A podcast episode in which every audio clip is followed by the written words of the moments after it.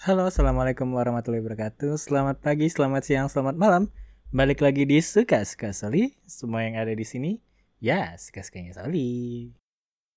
Hari baru, tanggal baru, semangat baru lagi pastinya. Di episode ini, Soli akan membahas tentang kemudahan yang kita peroleh di era digital, khususnya di dunia perekonomian. Seperti yang kita ketahui, dulu pasar adalah tempat pertemuan antara penjual dan pembeli.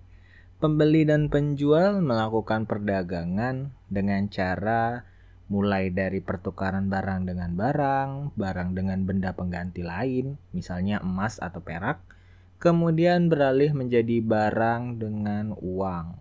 Semuanya dilakukan secara tunai, kemudian dilakukan secara hutang, lalu berkembang menjadi cicilan.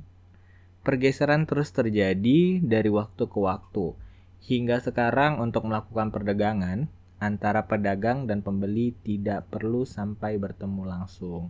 Namun, data Kementerian Koperasi dan UMKM dari 64 juta UMKM yang terdaftar, baru 13% atau sekitar 8 juta UMKM yang hadir dalam forum digital. Meski sekarang sudah banyak bantuan-bantuan yang disediakan agar para penggiat usaha mikro, kecil, dan menengah juga ikut berpartisipasi dalam forum digital. Ya, yang paling sederhana mungkin bergabung dengan berbagai marketplace, di mana banyak pengguna digital yang apa-apa sekarang carinya di marketplace. Masih ingat nggak, teman-teman? Sebelum apa-apa serba digital, Bagaimana pusingnya kita sebagai individu kalau keluar rumah enggak bawa dompet. Aduh, itu pasti kepala nyut-nyutan seharian. Tapi Soli pribadi sih dulu nggak begitu. Lah kok bisa? Ya iya, orang di dompet Soli isinya struk belanja doang. Duitnya nggak ada. Tapi coba deh bandingkan dengan kondisi sekarang bisa ditanyakan pada teman, kerabat terdekat, atau pasangan. Mendingan mana? Ketinggalan dompet atau ketinggalan handphone? Soli yakin kalau pertanyaan itu ditanyakan di zaman sekarang, kebanyakan pasti menjawab mending ketinggalan dompet dibanding ketinggalan handphone. Lah, kok begitu? Ya tentu. Coba sekarang periksa handphone teman-teman. Apa sih yang ada di dompet tapi nggak ada di handphone? Uang. Ada uang elektronik. Tanda pengenal. Tanda pengenal digital sudah banyak aplikasinya. Foto pacar. Eh, itu nggak usah ditanya ya. Pasti banyak di galeri. Tapi coba kita kulik balik lagi.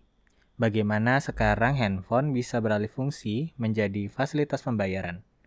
Tentu saja semua terjadi berkat kemajuan era digital. Handphone yang semula sebatas alat untuk berkomunikasi jarak jauh, sekarang sudah dapat berfungsi sebagai media pembayaran maupun keuangan. Contoh nih, ketika di depan mesin ATM, kartu debit tertinggal di dalam dompet, yang juga tertinggal di rumah, kita tidak perlu pusing untuk balik ke rumah ambil kartu debit. Karena sekarang dari fasilitas mobile banking beberapa bank, sudah mendukung pengambilan uang di ATM melalui menu mobile bankingnya. Praktis kan? Oke, Soli kasih contoh lagi. Dulu ketika kita jajan bakso pinggir jalan, terus nggak bawa dompet, pasti bakalan utang dulu ke abang baksonya. Tapi coba bandingkan dengan zaman sekarang. Bisa bayar pakai uang elektronik, tinggal scan barcode-nya, beres deh. Bahkan yang lebih menarik lagi, dengan kemudahan di era digital, akses untuk melakukan investasi dan menabung menjadi lebih mudah. Bahkan metode verifikasi data juga lebih efisien. Jadi kita tidak perlu repot-repot mengantri di bank hanya untuk buka rekening tabungan, deposito, maupun sekuritas. Semua sudah bisa dilakukan karena sudah ada dalam genggaman kita. Tinggal kitanya aja nih, mau memanfaatkan kemudahan tersebut atau tidak. Tetapi segala kemudahan tersebut bukan berarti membuat kita jadi lengah. Karena semakin terpusatnya data pribadi kita dalam satu perangkat handphone membuat kita harus ekstra waspada. Sebab pencurian data pribadi maupun keuangan bisa dapat terjadi dan menimpa siapa saja. Makanya penyedia layanan pembayaran maupun keuangan yang sudah merambah ke aplikasi handphone pasti terus menggali cara agar menekan angka terjadinya pencurian data tersebut. Misalnya, kalian pasti akrab dong dengan penggunaan PIN maupun password. Mungkin sebelumnya penggunaan PIN atau password sudah cukup untuk mengamankan data, tetapi sekarang single authentication seperti itu dianggap masih kurang mengamankan data, baik pribadi maupun keuangan kita sehingga perlu diadakan double authentication. Contohnya, penggunaan sidik jari, suara, bahkan pengenalan wajah. Sehingga para pengguna layanan bisa merasa aman dari serangan, selagi para pengembang aplikasi meningkatkan sistem keamanannya. Jadi, jangan lupa dinyalakan double authentication-nya. Contoh lain nih, sempat terjadi beberapa waktu yang lalu, bahkan sempat viral, public figure yang mungkin tidak sengaja menunjukkan saldo rekening di ATM-nya, lalu dijadikan konten video di internet. Nah, yang menjadi permasalahan bukan saldo di rekeningnya, ya yang banyak itu, tapi bagaimana dia harus menyamarkan nama pemilik dan nomor di kartu ATM yang dia gunakan. Karena jika tidak disamarkan, ada kemungkinan rekening tersebut bisa diretas karena ada banyak informasi yang dapat diperoleh oleh peretas untuk mengakses rekening kita hanya dari melihat kartu ATM yang digunakan. Contohnya, nomor kartu yang kita gunakan, nama pemilik kartu, bahkan rekening. Dan jika sedang nggak beruntung nih, tanda tangan pemilik rekening di bagian belakang kartu. Nah, jadi kita tetap harus waspada jika menggunakan kartu pembayaran apa pun. Jangan melakukan pembayaran di merchant-merchant yang tidak terpercaya. Jangan dengan sengaja mengumbar informasi apa pun terkait akses keuangan kita.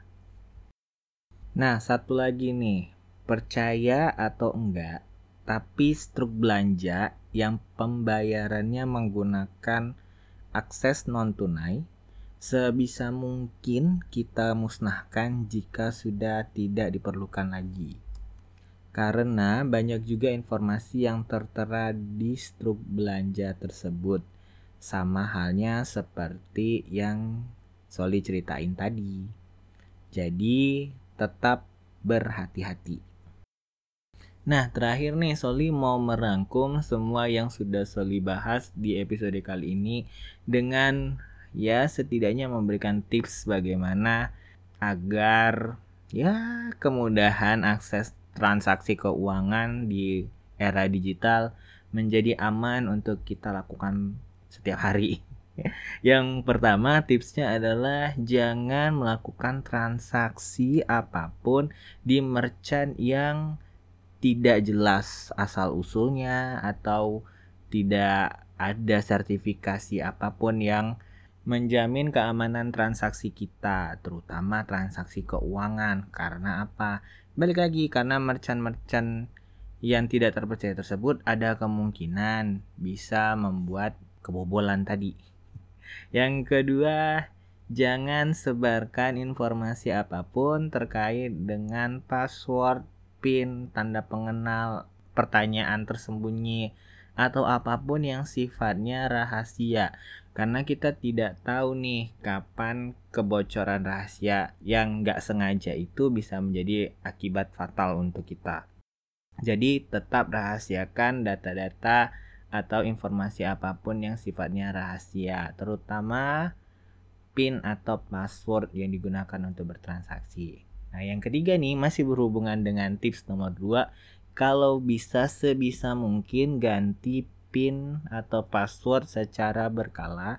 Karena apa? Karena penggunaan PIN atau password yang terus-menerus apalagi digunakan di banyak tempat sekaligus memang bisa memicu potensi kebocoran informasi apalagi kalau misalnya ada yang tahu nih kita udah biasa pakai nomor-nomor tertentu atau kata-kata tertentu terjadi password. Nah, bisa saja itu meningkatkan kemungkinan kita kena retas.